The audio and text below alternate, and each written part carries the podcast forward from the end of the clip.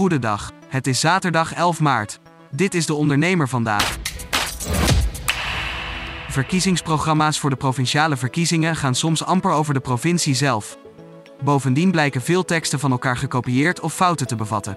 Dat blijkt uit onderzoek van AD, Pointer en Nieuwscheckers.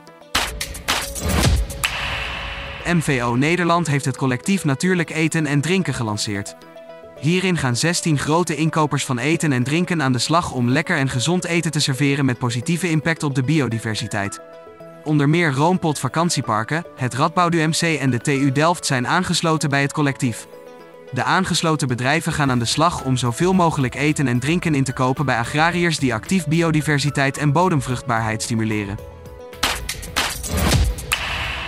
De Nederlandse industrie heeft in januari bijna 3% minder geproduceerd dan in dezelfde maand een jaar eerder. Dat meldt het Centraal Bureau voor de Statistiek. De krimp in productie is voor het eerst in bijna twee jaar. Van de grotere branches liet de chemische industrie net als in de voorgaande maanden de grootste productiedaling zien. Ook in de branches rubber en kunststof en metaalproducten was sprake van een krimp.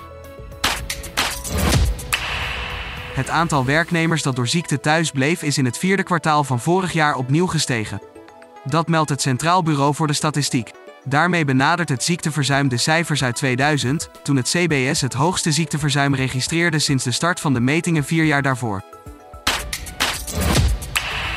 Het succes van de boer-burgerbeweging is te verklaren omdat de partij op vier punten de wind in de zeilen heeft.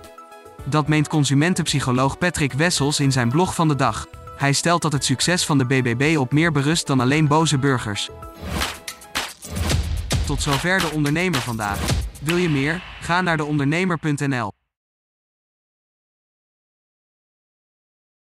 Op wie stem jij bij de Provinciale Statenverkiezingen? Luister dinsdag 14 maart van 12 tot 6 naar De Ondernemer kiest.